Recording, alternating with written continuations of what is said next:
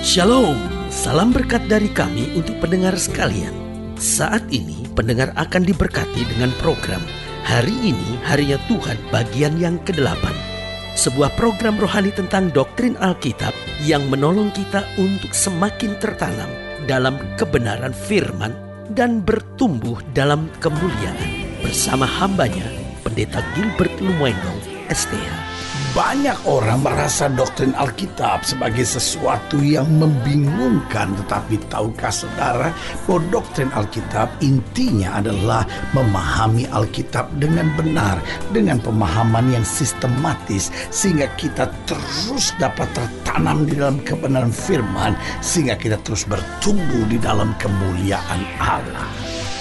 Buka hati saudara sekalian untuk menerima berkat-berkat firman-Nya hari ini. Allah memberikan roh kudusnya. Karena Yesus sendiri berkata bahwa aku pergi naik ke sorga. Tapi aku tidak membiarkan kamu seorang diri sebagai tim piatu.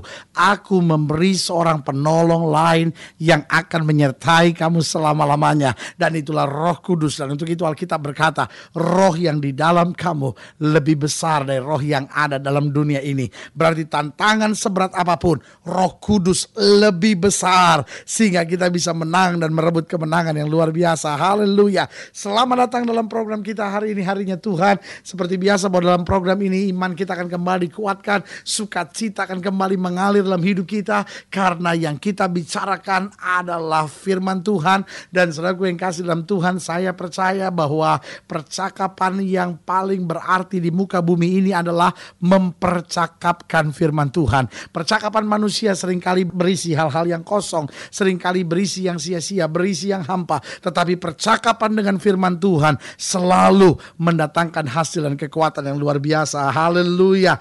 Dalam program ini kita sedang bicara tentang penuh Roh Kudus. Bahwa hidup Kristen bukan hanya tahu bahwa Roh Kudus ada, hidup Kristen bukan hanya sekedar disertai oleh Roh Kudus, tapi hidup Kristen berarti penuh dengan roh kudus. Roh Allah itu masuk dalam hidup kita. Sehingga hidup kita bukannya kita lagi. Tetapi Kristus, kuasa roh kudus, kuasa Allah yang menyertai kita. Itu sebabnya saya begitu yakin orang Kristen tidak pernah bisa disantet. Anak Tuhan yang sungguh-sungguh dekat sama Tuhan. Tidak akan pernah bisa disantet. Tidak pernah akan diserang roh-roh jahat. Tidak pernah akan bisa diikat dengan uh, kuasa-kuasa kegelapan. Kenapa? Karena waktu kuasa Allah di dalam diri kita. Waktu roh kudus di dalam diri kita, kita akan berjalan dalam kemenangan dan kuasanya. Haleluya.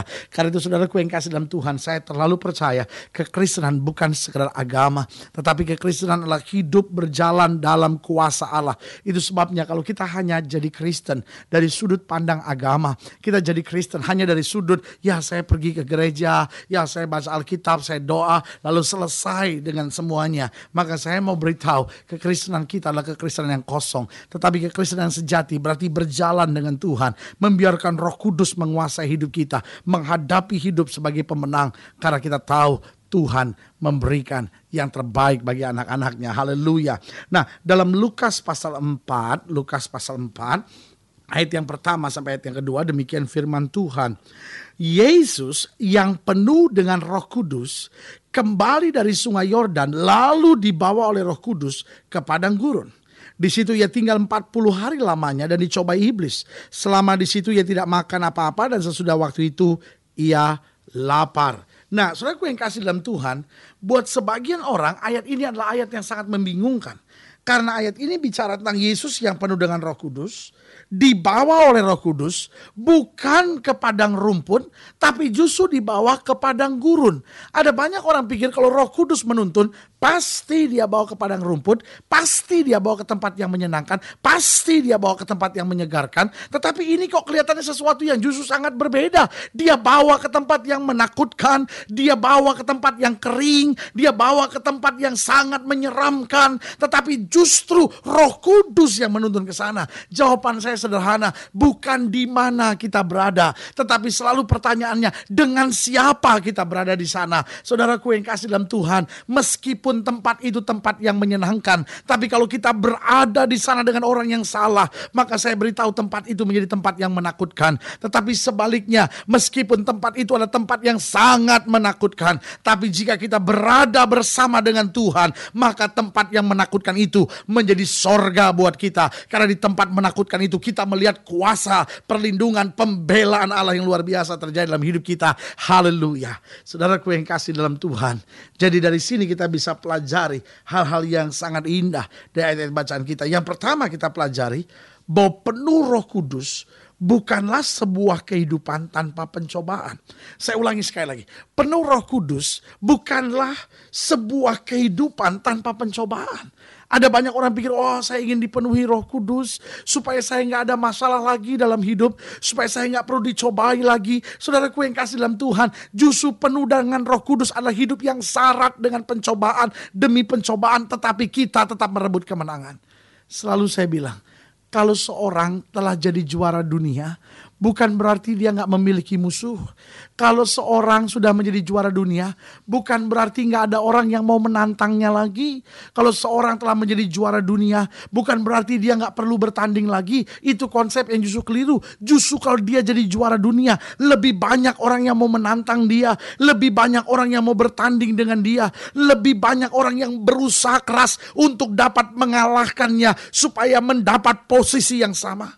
Tetapi kalau sang juara dunia tetap berlatih dengan baik, sang juara dunia tetap mempertahankan stamina dan kondisinya, apa yang terjadi? Dia dapat mempertahankan keberadaannya sebagai juara dunia. Saudaraku yang kasih dalam Tuhan, begitupun dengan kehidupan kekristenan kita penuh dengan roh kudus. Bukanlah sebuah kehidupan tanpa pencobaan. Oh ketika engkau penuh dengan roh kudus. Ketika engkau mengalami hal-hal yang dahsyat lewat kuasa roh kudus. Setan berusaha untuk menghancurkan hidupmu. Setan berusaha menggoncangkan hidupmu. Bahkan bukan hanya setan. Tetapi orang-orang di sekitarmu akan mulai iri sama saudara. Orang-orang di sekitarmu akan coba bicara yang jahat. Akan coba memfitnah. Tetapi kalau karena kita difitnah. Lalu kita mulai memaki. Kita mulai berlaku kasar terhadap orang tersebut Oh, setan akan tepuk tangan dan berkata, aku berhasil menggoncangkan imannya. Tapi saudaraku yang kasih dalam Tuhan sebaliknya. Kalau di tengah orang memfitnah, di tengah orang menggosipi sesuatu, di tengah orang coba goncangkan sesuatu. Tapi kita tetap bertahan, kita tetap bersuka cita, kita tetap tenang menghadapi segala perkara. Maka kita akan lewati pencobaan demi pencobaan. Justru menempatkan kita lebih kokoh sebagai pemenang-pemenang di dalam Kristus. Haleluya. Berarti kembali saya mau tekankan, penuh dengan roh kudus bukanlah sebuah kehidupan tanpa pencobaan. Tapi penuh dengan roh kudus, yaitu sebuah kehidupan seorang juara. Makanya Alkitab berkata, di dalam Kristus kita lebih daripada orang-orang yang menang. Apa artinya lebih daripada orang-orang yang menang?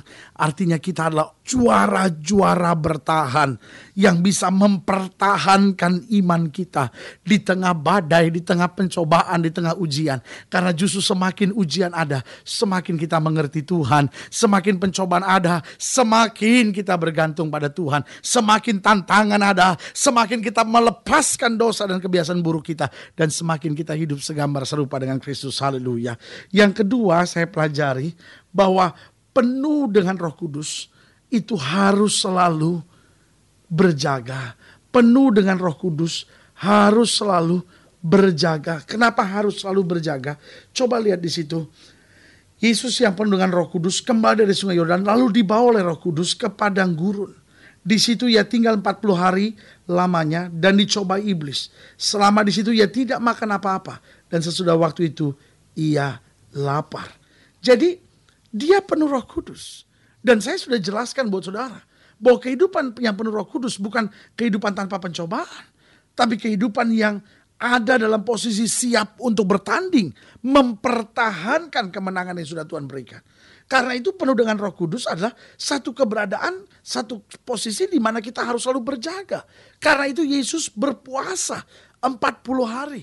Nah untuk apa dia berpuasa 40 hari ini? Tujuannya kan sederhana untuk menjaga kuasa, untuk menjaga hati, untuk menjaga kehidupan yang penuh dengan Roh Kudus. Ada banyak orang pikir pengalaman dipenuhi Roh Kudus satu kali dan setelah itu Roh Kudus akan selalu bersama dengan dia, nggak peduli tahu apa yang dia mau buat. No, no, no. Kalau kita tahu Roh Kudus ada dalam diri kita, kita akan menjaga, kita akan hati-hati. Kita tidak mau dipimpin oleh dunia lagi. Kita tidak mau dikendalikan oleh dunia lagi. Justru kita harus jaga persekutuan itu. Justru kita harus jaga keakraban itu. Justru kita harus jaga kemanisan hubungan kita dengan kuasa Roh Kudus. Lewat apa? Lewat doa, lewat puasa, lewat penyembahan pribadi, lewat waktu bersama dengan Tuhan. Saudaraku yang kasih dalam Tuhan, banyak orang ingin penuh dengan Roh Kudus, tapi doa pagi aja nggak pernah. Banyak orang ingin penuh dengan Roh Kudus, tapi baca Alkitab saja nggak pernah. Banyak orang ingin penuh dengan Roh Kudus, tapi punya waktu untuk nyembah Tuhan, punya waktu untuk merasakan kasih Tuhan, punya waktu untuk menikmati kasih Tuhan yang luar biasa saja tidak pernah dia luangkan waktunya. Dan saudaraku yang kasih dalam Tuhan bagaimana kita bisa menjaga persekutuan dengan kuasa Roh Kudus? Berarti sekali lagi saya mau ingatkan penuh Roh Kudus bukanlah sebuah kehidupan tanpa pencobaan. Justru kita berada pada posisi yang siap bertanding. Lalu yang kedua kita tahu bahwa penuh Roh Kudus harus selalu berjaga. Harus kita selalu maintain, harus kita selalu perhatikan sehingga kuasa Roh Kudus yang ada di dalam diri kita selalu tetap aktif. Sementara kuasa dunia yang coba mengendalikan kita, kuasa dunia yang coba menyerang kita akan semakin jauh dari kehidupan kita. Dan yang ketiga saya pelajari, penuh Roh Kudus adalah dasar kemenangan kita. Berarti penuh Roh Kudus bukan berarti tidak memiliki masalah, tapi penuh dengan Roh Kudus berarti diberikan hikmat untuk meraih kemenangan. Yesus memang dicobai oleh setan. Yesus memang dicobai oleh iblis. Tapi saudaraku yang kasih dalam Tuhan, keberadaan Yesus yang penuh dengan roh kudus itu cukup untuk memberikan kemenangan. Karena Roh Kudus mengingatkan dia akan segala firman Allah. Roh Kudus memberi keberanian dan Roh Kudus membawa kita senantiasa pada hubungan yang akrab dengan Tuhan. Itu sebabnya kembali sebagai hamba Allah saya mau tekankan pentingnya sebagai seorang percaya tidak berjalan dengan kekuatan kita sendiri, tetapi dipimpin, dipenuhi dengan Roh Kudus, masuk dalam kehadirannya, masuk dalam hadiratnya dan membiarkan Roh Kudus memenuhi hidup kita senantiasa. Haleluya. Saudaraku yang kasih dalam Tuhan, jika saudara ingin dilayani lebih jauh, hubungi kami melalui surat, hubungi kami melalui telepon, kunjungi website kami. Karena kami ada untuk membawa Bapak Ibu Saudara senantiasa lebih dekat pada Tuhan dan mengalami kasih kuasa mujizat yang luar biasa. Haleluya.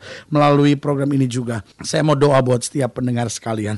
Saudara yang mungkin sakit, saudara yang mungkin berbeban berat, saudara-saudara yang mungkin rumah tanggamu sedang ada dalam goncangan, masa mudamu sedang ada dalam badai ketidakpastian atau mungkin saudara rindu sekali dipenuhi dengan Roh Kudus atau mungkin selama ini saudara tidak pernah jaga hubungan saudara dengan kuasa Roh Kudus yang Bapa telah berikan dalam hidup saudara. Lalu saudara mau didoakan khusus. Saudara juga boleh taruh tangan kanan saudara di dada. Dan kita doa. Bapa dalam nama Yesus. Hamba doa buat yang sakit. Hamba doa buat yang berbeban berat. Hamba doa buat rumah tangga-rumah tangga yang goncang. Hamba doa buat orang-orang muda yang sedang dihantam badai dalam kehidupannya. Hamba juga doa buat setiap pendengar sekalian yang rindu dipenuhi dengan kuasa roh kudus. Hamba berdoa di dalam nama Yesus. Tuhan jamah, Tuhan pulihkan, Tuhan kerjakan mujizat, Tuhan curahkan kuasa roh kudusmu. Sehingga kami alami, sehingga kami rasakan, sehingga kami nikmati. Kami jaga persekutuan dengan roh kudus untuk membawa kami senantiasa dalam kemenangan, lepas pada kemenangan untuk menuju pada kemuliaan Bapa yang luar biasa. Haleluya. Amin. Saudaraku yang kasih dalam Tuhan, kita sudah berdoa dan ingat doa orang benar besar kuasanya. Alkitab jamin buat kita. Kalau kita berseru dengan sungguh-sungguh dalam doa, Tuhan akan menjawab kita. Haleluya. Itu sebabnya jangan takut menghadapi tantangan. Tetap bersemangat, tetap bersuka cita. Ingat engkau tidak pernah sendiri. Bersama Yesus kita cakap menanggung segala perkara. Haleluya. Sampai berjumpa pada program berikut. Doa saya menyertai saudara dan jangan lupa jadikan hari ini harinya Tuhan. Haleluya.